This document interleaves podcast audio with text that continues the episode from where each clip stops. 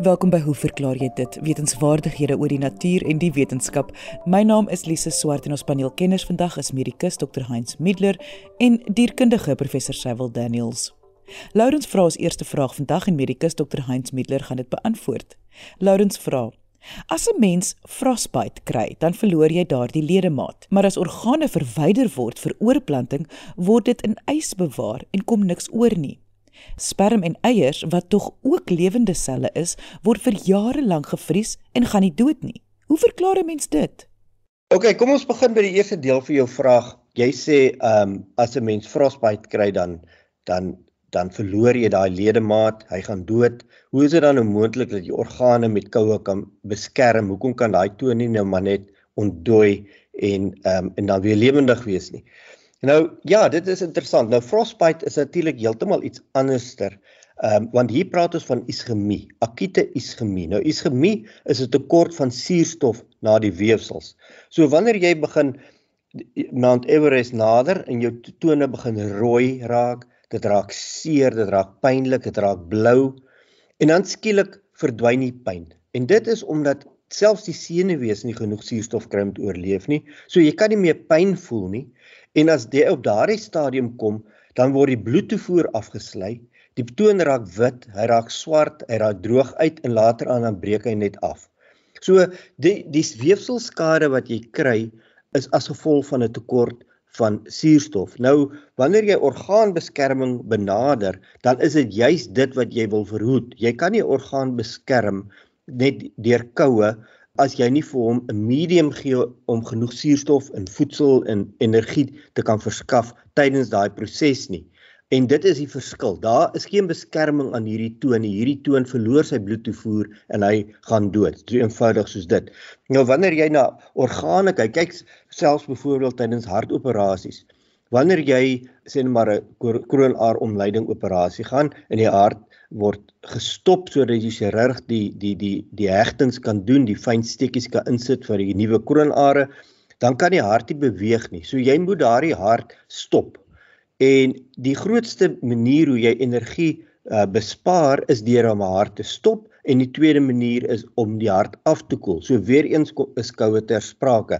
Maar hierdie afkoeling word gereguleer ons die hart word heeltyd voorsien van suurstof, hy word voorsien van glikose, hy kry al sy metaboliete, hy kry sy elektrolyte. So wanneer ons aan die operasie klaar gedoen het en ons begin die hart verwarm, dan ehm um, dan begin hy weer te klop want want hy het geen iskemiese of suurstoftekort skade opgedoen nie.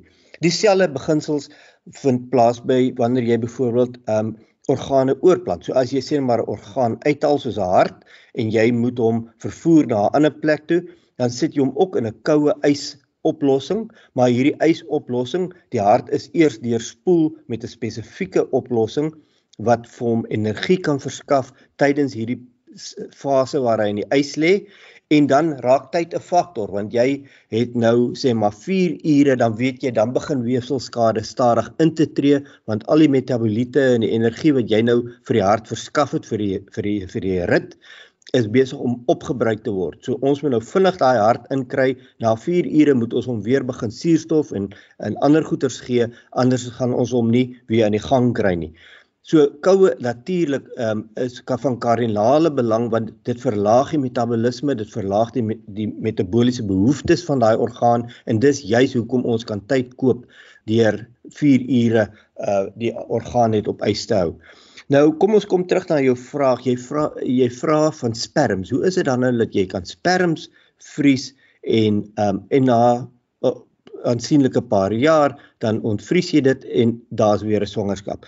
En jy's heeltemal reg, dit is wat gebeur. 'n Sperm is natuurlik nou 'n klein organismetjie, 'n klein selletjie met die genetiese materiaal en is nie soos 'n komplekse orgaan wat jy net kan vries en dan kan jy hom weer ontvries en en en aan die gang kry nie. Dit bestaan nie. 'n Orgaan is te kompleks. Um 'n sperm is redelik eenvoudig, so dis eensellig. Jy kan hom vries en die sperm sê natuurlik ook 'n tipe van 'n is 'n tawwe tipe sel. Hy weerstaan die aanslag van om gevries te word. So jy kan byvoorbeeld 'n sperm vat, spermselle en jy kan hulle vries en jy kan hulle vir jare vries. Die oomblik as die sperm gevries is, dan staan tyd stil. Of dit nou 'n jaar, 'n maand, 10 jaar of 100 jaar gevries is, dit dit is homselfe. Want daai daar gaan geen metabolisme aan nie. Daai is heeltemal 'n 'n stagnante posisie en niks gebeur nie. Nou die kritieke fases tydens hierdie proses van om sperms te vries is natuurlik voor jy hom vries en as jy hom ontdooi. So die proses waar jy die normale sperm uh, gekry het en nou besig is om hom te vries is kritiek. En dit is weer eens waar dan 'n medium ter sprake is. En dit is eintlik net moontlik as jy die regte medium gebruik. Nou daardie medium is spesifiek nagevors om aan hierdie spermselle metaboliete, glikose, ehm um, energie en al die korrekte goeders te gee tydens hierdie vriesproses sodat wanneer die die sperm gevries is, dan het hy nie skade opgedoen voor die tyd nie. En wanneer hy dan ontvries raak, dan raak hy ontdooi hy weer in hierdie spesifieke medium en dan kan hy weer sy energiebehoeftes be begin aanpas. Nou um om vir jou te verduidelik dat uh, jy kan dit uh, jy kan dit ook met eierselle doen, maar dit is meer gekompliseer. Dit is alreeds 'n meer ingewikkelde proses as net met sperms. Ehm um, daar is al gevalle beskryf in Suid-Afrika selfs waar waar jy die man se uh, oorlede is en die vrou, hulle is jong mense en die vrou wil nog altyd die man se kind hê en nadat die persoon dood is, ek praat nou nie van 'n persoon wat in in in op nog op 'n ventilator is en net breindood verklaar is nie, maar heeltemal uh, dood is in die doodshuis. Ehm um, is daar biopsie geneem van die sperms en hulle is gevries en die vrou is toe later daarmee bevrug. So en dit is 'n hele paar uur nadat die persoon dood is wat dit gedoen is. Dit wys jou as die sperms in die regte medium is, is hulle redelik taaf en kan hulle nogal baie weerstaan voor hulle doodgaan. So as jy 'n paar ure het in daai medium en jy vat hom in daai medium, sit hom in 'n korrekte medium en jy vries hom, dan kan hy nog altyd lewensvatbaar wees.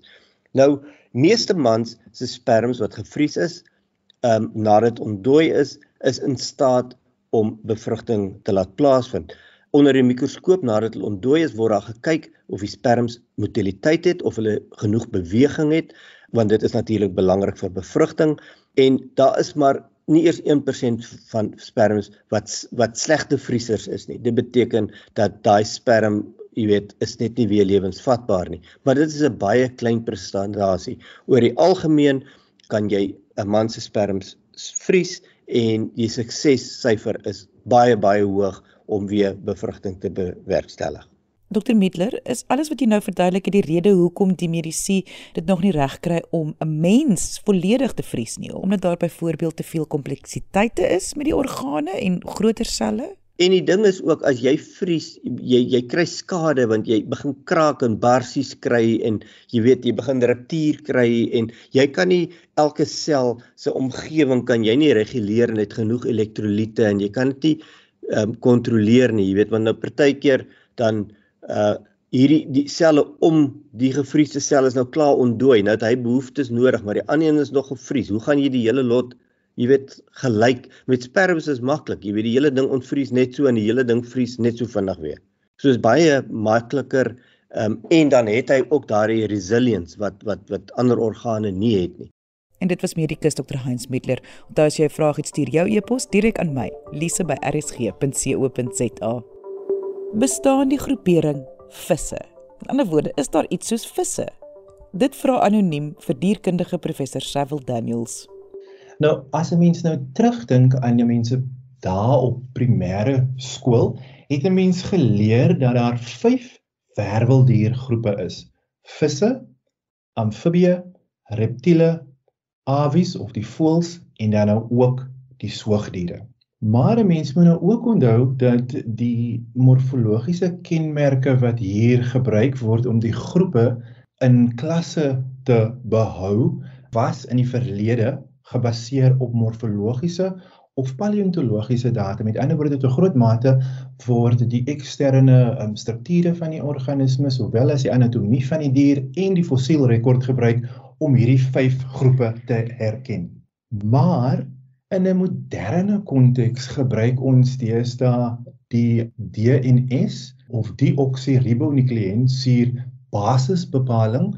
Met ander woorde, ons kyk direk of na die gene van die organismes of ons kan na die hele genoom van die organisme kyk. Nou, in hierdie verband wil ek net die volgende opmerkings maak. Wanneer 'n mens na morfologiese kenmerke kyk, mense dink nou byvoorbeeld aan 'n fossiel, ehm um, sien 'n mens net die harde strukture gewoonlik teenwoordig. Jy sien nie sagter anatomiese strukture nie.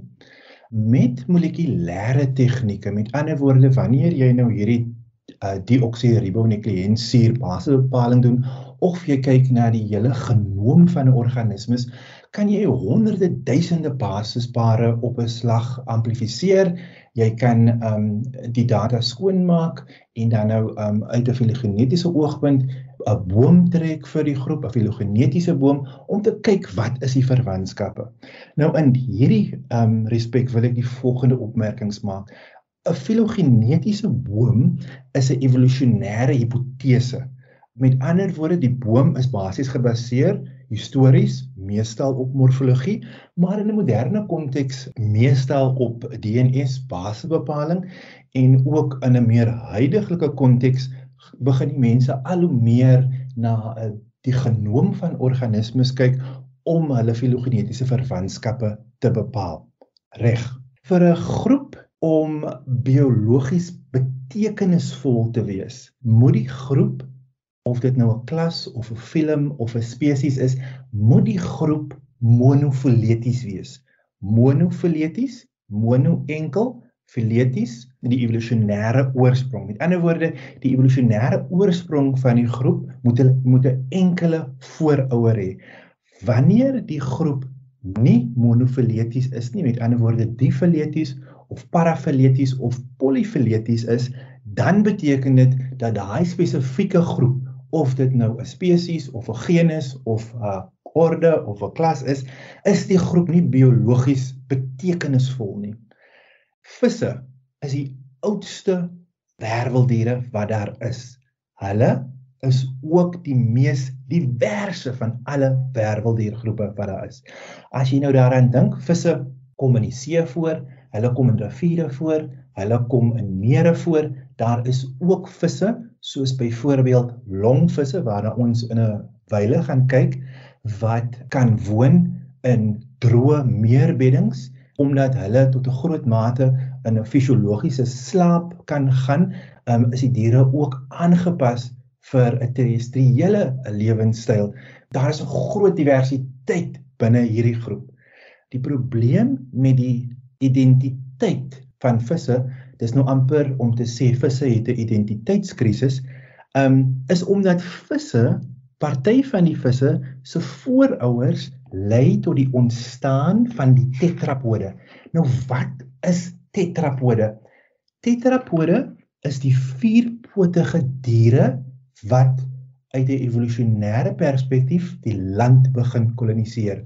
So die eerste voorouer wat kom uit 'n vis agtige voorouer is 'n padda, 'n amfibie, dan van die amfibie ontwikkel die reptiele en ook die voëls as ook die soogdiere. So ek gaan nou dit net weer beklemtoon die probleem met die monofilie van die visse met ander woorde hierdie enkele evolusionêre oorsprong by visse het te doen met die feit dat daar lewende forme is binne visse wat filogeneties meer naverwant is aan amfibieë as wat hulle aan ander visse is. Nou binne die visse sien ons die volgende groeperinge. Die cyclostome. Die cyclostome is hierdie goed wat ronde bekke het, um en waar die diere nie 'n kaak het nie.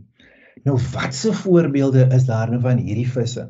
Vir diegene wat kreef gaan vang. Baie keer wanneer 'n mens die kreef net uitgooi, het nou 'n stuk aas in die middel om die kreef aan te trek mee, want krewe is detritowore, met ander woorde, hulle vreet onbindende materiaal. Dieselfde geld ook vir hierdie siklostome, siklo, rond, stoma, opening As 'n mens nou dink aan 'n stomata, 'n huidmondjie, dieselfde beginsel, stoma, uh die mondjie siklo rond. Met ander woorde by hierdie visse is daar hierdie groot ronde bekke wat tot 'n groot mate gebruik word vir 'n suigaksie op die ontbindende materiaal. Voorbeelde is die slempalings, soos ek nou gesê het, diegene wat kreef gaan vang, hulle weet baie keer wanneer jy jou net uitgooi, vang jy nie noodwendig kreef nie, maar jy vang hierdie slempalings of hagfishes en hierdie diere is 'n groepering binne die visse. Hulle is ook van die oudste uh groeperinge wat ons binne die visse het. Dan sien ons die ontwikkeling van 'n kaak by die visse. Nou hierdie is 'n baie belangrike evolusionêre sprong.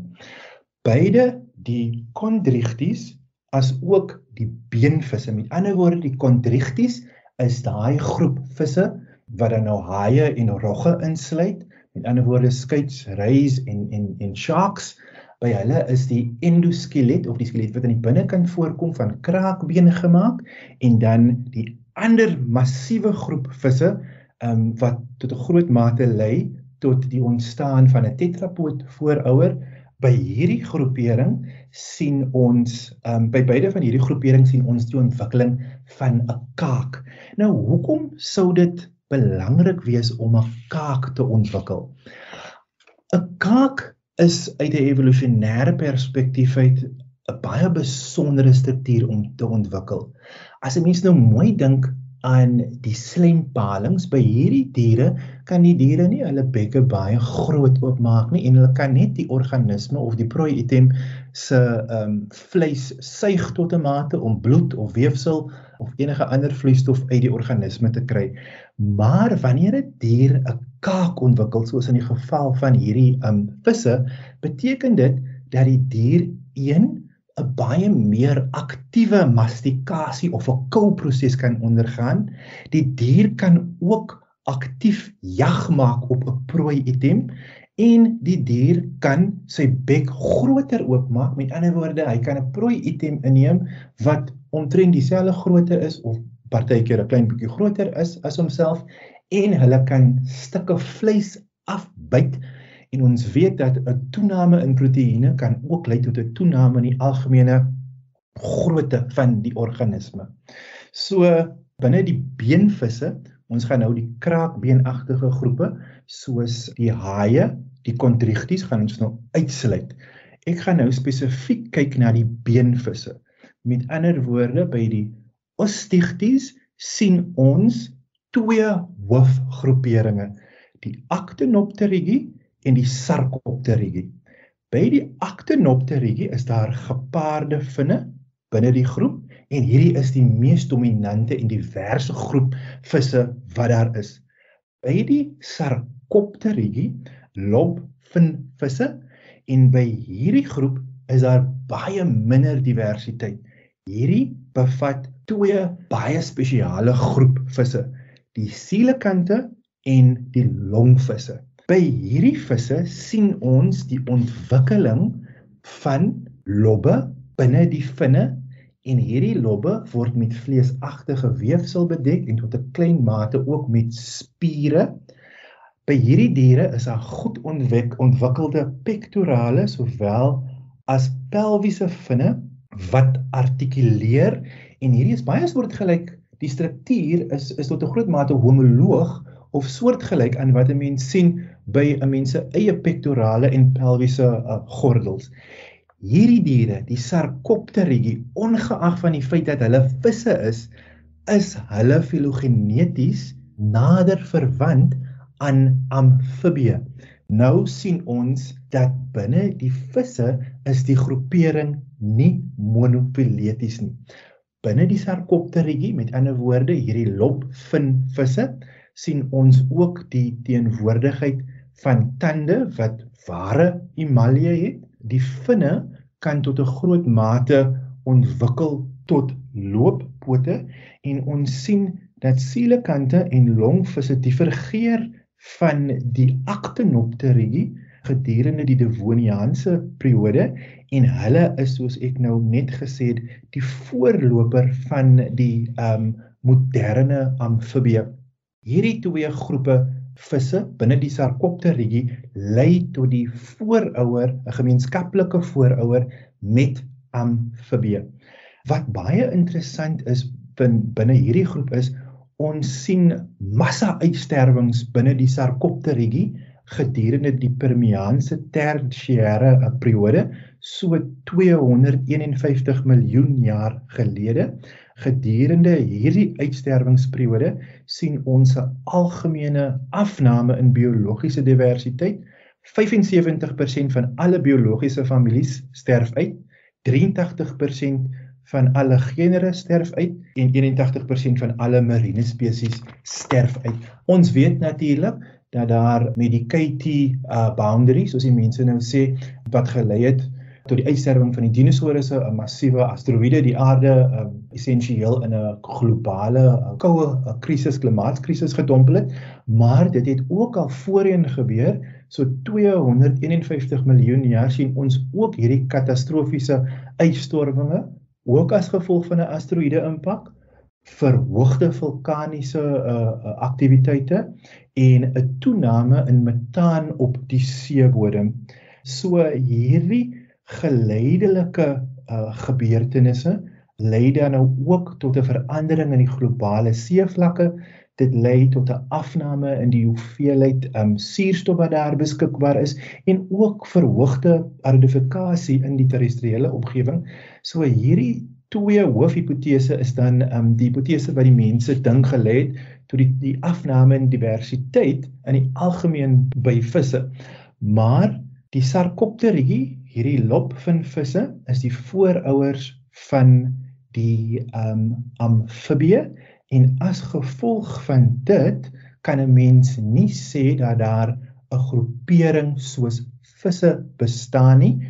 So daar is 'n groot debat in literatuur hoe om die, die probleem nou werklik uit 'n taksonomiese perspektief uit op te los. Maar die ehm um, realiteit is dat visse as 'n groep nie monofileties is nie. Met ander woorde, hulle het nie 'n enkele evolusionêre oorsprong nie en derhalwe moet daar deur taksonomie weer gekyk word na die rangskikking van hierdie vyf werweldiergroepe soos wat ek aan die begin genoem het wat 'n mens nou daar in standaard 5 of graad 7 op uh, on biologie op jou primêre uh, skoolbanke geleer het.